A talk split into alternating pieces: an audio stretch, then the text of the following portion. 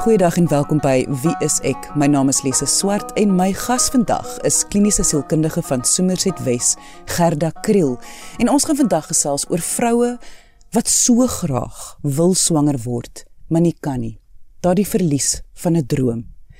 Indien jy enige vrae het oor vandag se onderwerp, kan jy ons kontak deur die webwerf. Gaan net na www.wieisek.co.za of na Wieisek se Facebookblad onder Wieisek SA. Maar kom ons luister nou eers na my gesprek met kliniese sielkundige van Somerset Wes, Gerda Kriel, oor die verlies van 'n droom.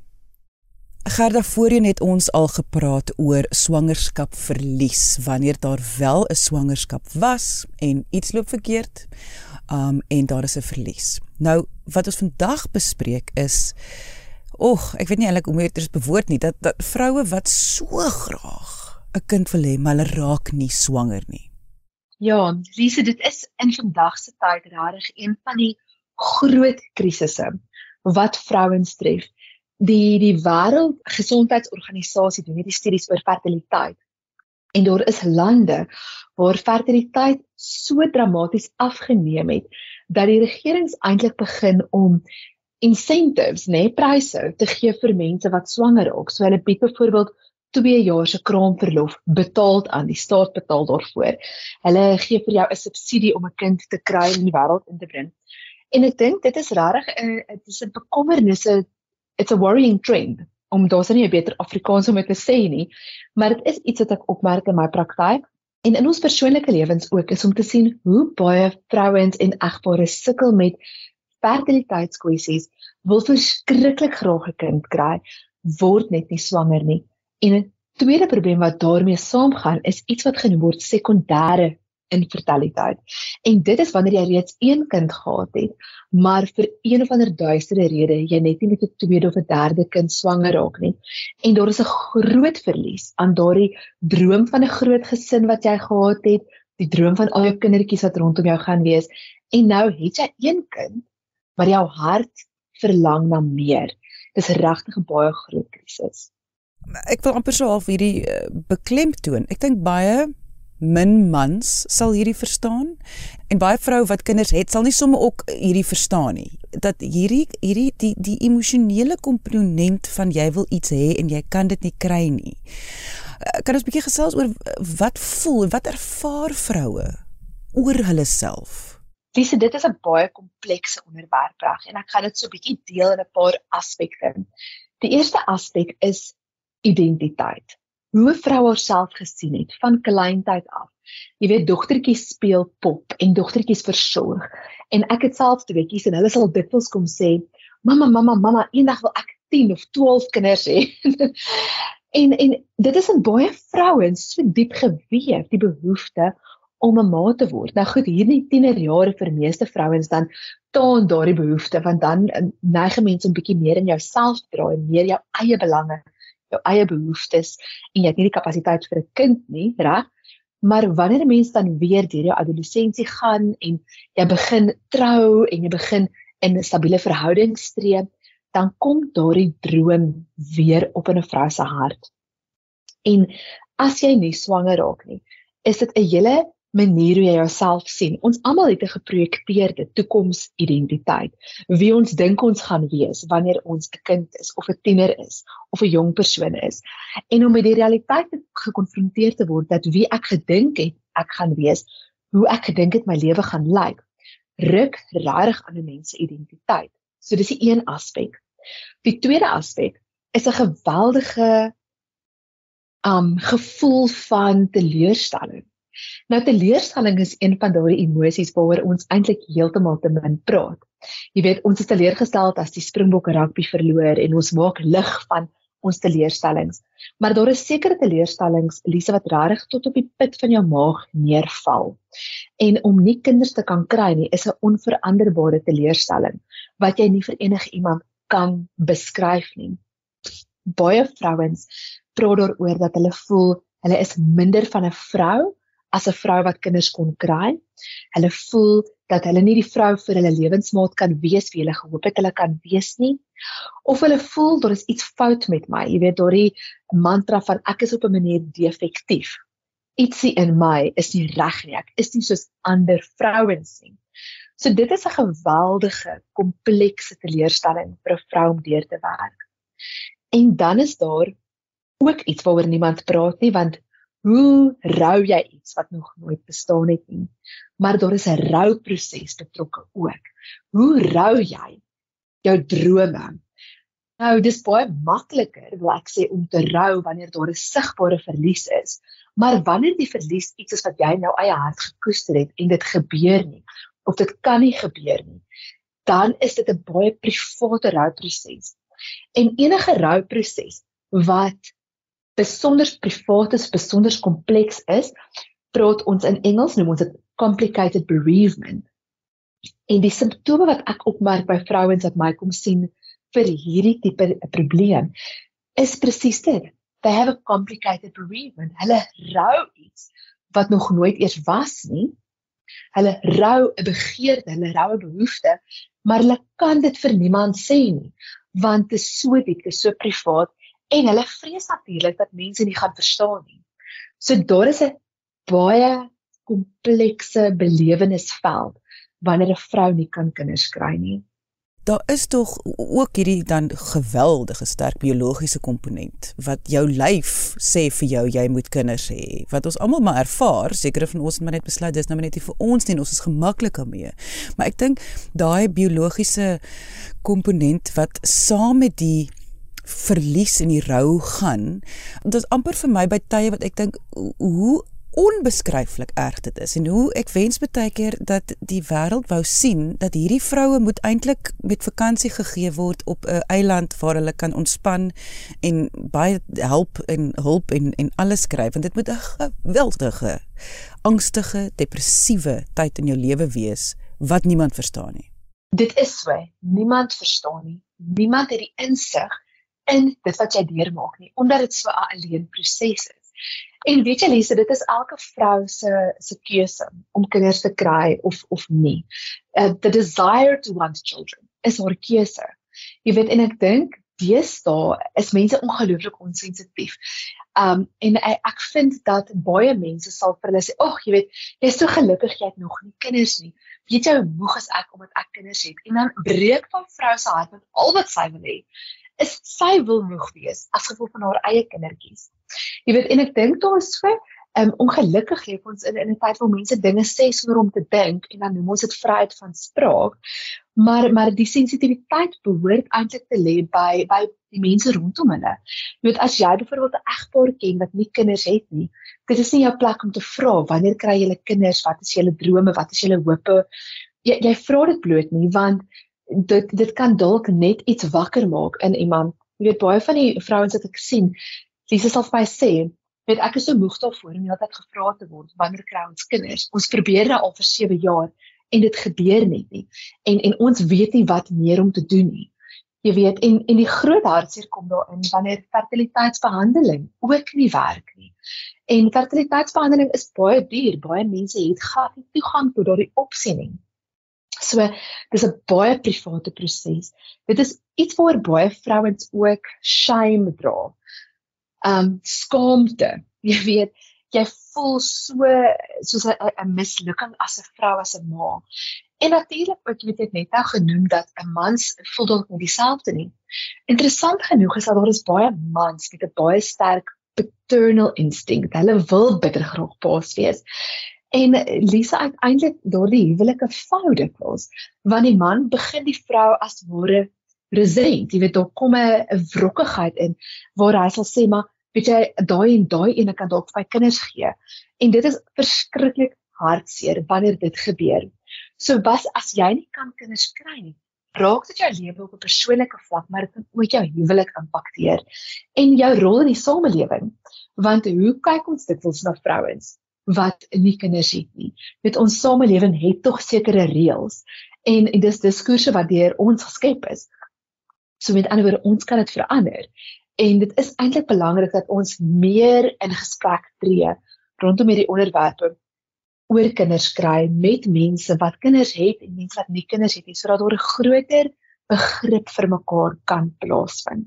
Wat sê eh, die navorsing hieroor oor die feit dat 'n vrou nie kan swanger raak nie? Want ek weet daar is vroue wat vasglo sielkundig as hulle net kan ontspan, as hulle net kan die stres minder maak in hulle lewe, dan sal hulle kan swanger word. Wat sê die navorsing? Is dit maar eintlik net biologiese probleme? Lise, in alle eerlikheid, ons verstaan baie van swangerskap ons verstaan hoe konsepsie werk, ons verstaan hoe die fetusontwikkeling plaasvind, maar daar is 'n misterie rondom waarom 'n skynbaar gesonde vrou nog steeds soms met infertiliteit sukkel. En en dikwels is dit daar kan moontlik sielkundige redes wees.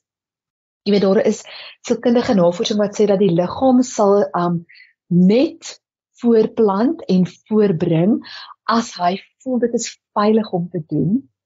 Maar dit is dit kan tog nie staan nie want waarom word daar steeds babas gebore in oorloggetuisterde lande? Waarom word daar so baie babas gebore in absolute armoede? So verstaan, daar is baie dit is 'n baie moeilike stel navorsing om eintlik te kwantifiseer. Maar wat ons weet is dat die vrouens wat deur hierdie uitdagings gaan van infertiliteit het baie hoër syfers van geestesgesondheidsuitdagings as gevolg van die infertiliteitsuitdagings wat hulle het. Dit is iets wat ons kan kwantifiseer. So ons weet dat vrouens meer geneig is tot depressie en angstigheid wanneer hulle met 'n primêre of 'n sekondêre infertiliteit sit.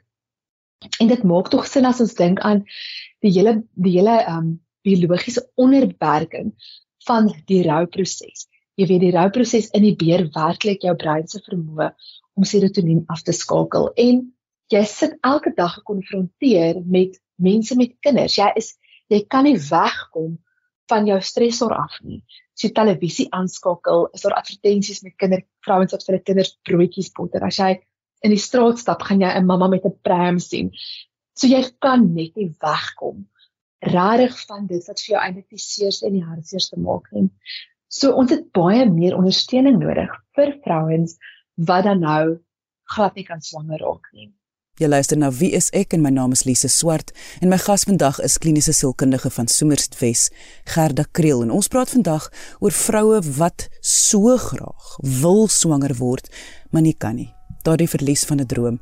Indien jy enige vrae het oor vandag se onderwerp, kan jy ons kontak deur die webwerf gaan net na www.wieisek.co.za.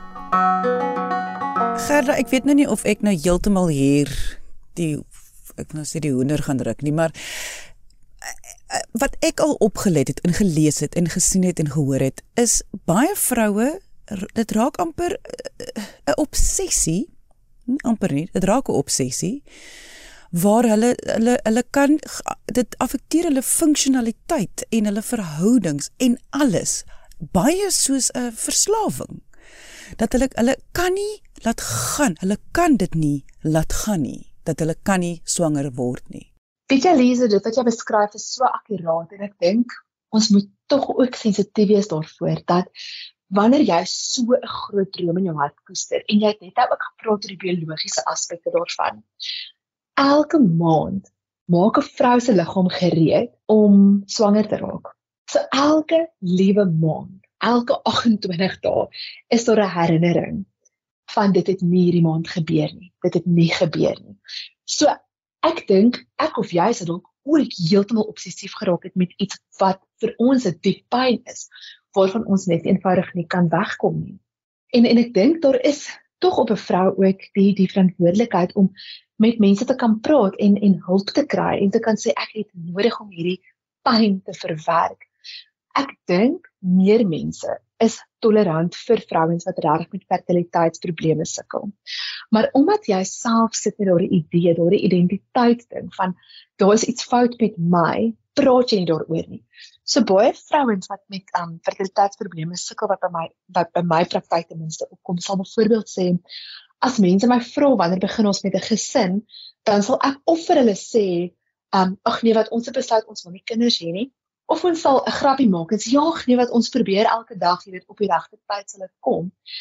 Maar daar is nie daardie openheid om te kan sê weet jy ons wil so graag met 'n gesin begin maar ons het vir onverklaarbare redes fertiliteitsprobleme nie.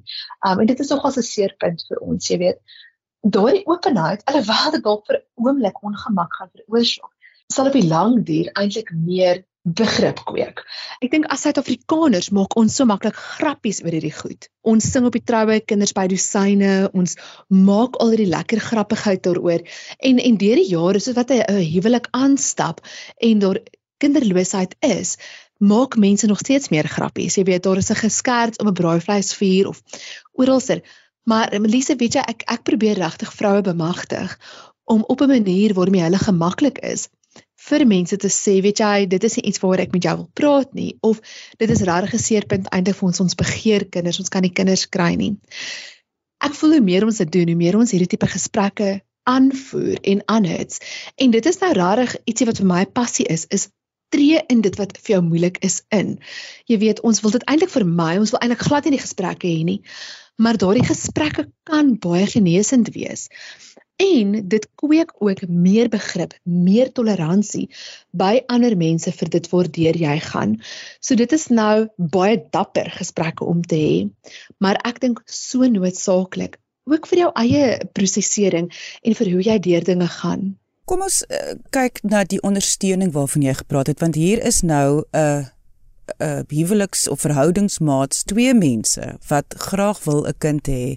En ek kan dink dat dis nie net om vir vreemdelinge te sê ek kan nie swanger raak nie. Ek dink baie keer gesels hulle nie eens met hulle verhoudingsmaats hieroor nie. Ja, dit raak iets waaroor jy uitgepraat raak jy voel hoe praat ons nou nog met mekaar hieroor dis elke maand dieselfde ding. Jy weet ek wil eintlik nie eens meer huil wanneer my maandstonde opdaag en ek weet ek is nie swanger nie. Ek wil nie ek wil nie hê jy moet sien nie. Lise dit raak 'n geweldige private proses. Maar die teleurstelling kan dikwels aan beide kante wees en net so moeilik as wat dit vir 'n vrou kan wees om met 'n man te praat so kan 'n man ook teleurstelling hê en teleurstelling ervaar. En dan natuurlik sit 'n man in 'n baie unieke disposisie.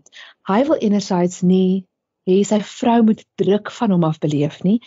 Ek wou graag 'n pa wees of ek wil so graag vir my vrou gee wat sy begeer en dan kom die vraag by by die man op is daar iets fout met my? En om daardie gesprekke nie met jou maat te kan hê nie, is verskriklik moeilik. Jy weet 'n mens moet absoluut probeer om op dieselfde bladsy te wees daar is gelukkig. Ek wil sê ons leef in 'n tyd waar daar kindigheid is en waar daar eintlik baie hoop is vir infertiliteit. Maar as jy deur al daardie roetes gegaan het en jy deur al daardie pyn gegaan, is dit belangrik om as 'n egpaar hulp te gaan soek. Gaan sien iemand wat professioneel is. Praat hierdie dinge deur. Dit is belangrik dat ten minste in die verhouding, in die huwelik, dat 'n egpaar saam kan dra en kan saam sê, weet jy wat? My hart is regtig bitter seer hieroor. Hoe gaan dit met jou hart hieroor? Is daar 'n manier hoe ons hierdie kan verwerk? Is daar 'n manier hoe ons hierdie droom wat ons het as ware kan rou? Kan ons deur 'n proses gaan? Kan ek en jy 'n amptelike proses deurmaak? Die die misterie in die lewe is dat as jy in daardie verhouding ingaan, weet jy nie of jy gaan of nie gaan kinders hê nie. Die wat hoop hulle gaan en die wat nie kan nie, dra aan 'n unieke soort las wat die wêreld buite net nie kan identifiseer nie omdat daar vandag so baie opsies is vir voorbehoeding en vir um jy weet beroepe vorentoe en so aan neem mense makliker aan 'n egpaar wil nie kinders hê nie. En dan sal die vraag meer geskryf wees oor hoekom wil julle nie of wat is die rede of dit is rarig dit is as jy nie daaroor wil praat nie hoef jy nie maar as jy met jou dapperheid kan intree en kan kan gesprekke hê waar jy veilig voel met mense met wie jy relatief veilig voel, kan jy voel dat jou resilience bou. Dit is belangrik om die verlies te prosesseer. En eers as jy dit geprosesseer het, dis is dit 'n goeie idee om te begin kyk na alternatiewe. Wil mense kind aanneem of wil jy betrokke raak iewers miskien um, by 'n organisasie wat wat kinders versorg, jy weet, daar is vandag soveel opsies waar jy nog steeds daardie moederlike rol kan vertolk, of daardie vaderlike rol kan vertolk. Maar ek sal altyd vir paartjies sê wees verskriklik versigtig met aanneming as daar nog 'n wond in julle huwelik sit. Want dit sal baie meer traumaties wees om 'n kind aan te neem en die huwelik werk dan nog steeds nie uit nie as wat dit sal wees om eerder dan in hierdie pyn te prosesseer. En soms is dit deel van die prosesering is die pynlike dissolusie van die verhouding Jy weet waar 'n maat byvoorbeeld sê weet jy ek wil so graag my eie biologiese kinders hê. Ek kan ongelukkig nie met jou getroud bly nie want dit is vir my 'n ononderhandelbare ding. Dan sou 'n sekondêre rouproses van die verhouding van die huwelik ook, nê? Maar jy kan deur dit kom en ek dink dit is die hoop wat ek vandag vir vrouens wil gee. Jy jou identiteit lê nie in die feit van jou fertiliteit of infertiliteit nie. Ehm um, jou identiteit is soveel groter as dit, maar hierdie is 'n aspek daarvan wat jy moet prosesseer en wat jy mee met vrede en rustigheid kry sodat jy kan aanhou om nog steeds 'n geïntegreerde lewe te kan lei ongeag of jy biologiese kinders het of nie. Wanneer dit kom by verlies, is daar 'n onomkeerbare erns dat almal moet eerlik wees. En jy moet nie net eerlik met ander mense wees nie jy gaan moet eerlik met jouself wees. En dit voel vir my dit is die enigste manier om iets te verwerk om 'n verlies te verwerk is die eerlikheid met jouself. Jy kan nie met gaan bassein nou hier op 'n dak staan en vir almal gil nie. Maar daai eerlikheid anderstens gaan jy jouself in die voet skiet en jy ek bedoel dit is al hoe mens met verhoudingsmaat kan kommunikeer. Beteken nie die verhouding gaan werk nie maar daai eerlikheid konstante eerlikheid. En ek dink dit is waar julle as professionele mense help want emosies kom in die pad en ons eie gevoelens en ons skuldgevoelens en en ek is nie goed genoeg nie. Al daai kom in die pad. En om dan net iemand wat vir jou help om net eerlik en duidelik oor 'n situasie te dink om dit te verwerk Ek stem met jou 100% saam. Daardie eerlikheid met jouself is ongelooflik belangrik. Dis amper 'n selfintegriteit. Dis 'n geskenk wat jy vir jouself gee. Am pynlike emosies is deel van die lewe. Verlies is deel van die lewe. En dis maklik vir ons om te kyk na ander mense en te sien dat hulle het wat ons graag wil hê. Maar ek sê altyd jy weet nooit watter pyn en verliese 'n ander persoon al moes deurgaan nie en ek sal eerder my lewe met my pyn en verliese hê as iemand anders se met hulle onbekende pyn en verliese. Maar dit vat oor die eerlikheid met jouself. Dit vat ehm um, die eerlikheid van om self te kan kyk na die feite van jou lewe op wit en swart en te kan sê hier het ek dit gemaak. Hier het ek misluk.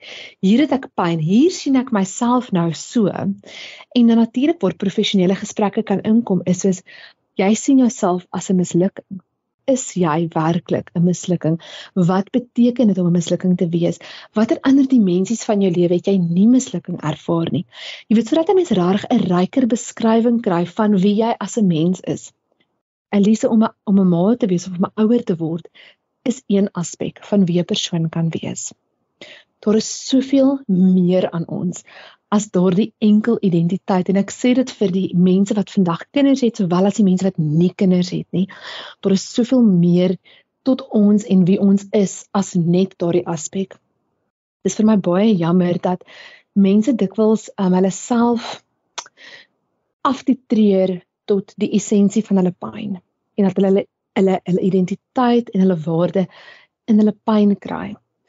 Jou pyn vorm jou, dit maak van jou deels wie jy word. Maar dit is belangrik dat mense weet, jou pyn definieer jou nie, jou infertiliteit maak nie van jou wie jy is nie. Dit is 'n deel van jou lewe, maar daar is soveel meer tot jou lewe as net dit.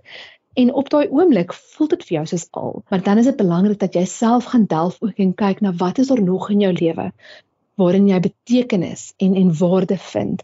Want dit is uiteindelik ook hoe ons weer opkom en die wêreld weer in die oë kyk. En dit was die stem van kliniese sielkundige van Somerset Wes, Gerda Kriel. Indien jy enige vrae het, kan jy ons kontak deur die webwerf gaan net na www.wieisek.co.za of deur Wieisek se Facebookblad onder wieiseksa. Op hierdie einste Facebookblad is daar verskeie video-gesprekke wat ek het met medies professionele mense oor sielkundige toestande, sielkundige diagnoses. So baie onderwerpe waaroor jy kan gaan leer en meer uitvind. So gaan gerus na Wie is ek se Facebookblad onder Wie is ek SA. Dankie dat jy vandag ingeskakel het. Ons maak weer so volgende Vrydag 12:30 hier op RSG. Jy moet 'n heerlike naweek hê en onthou, kyk mooi na jouself.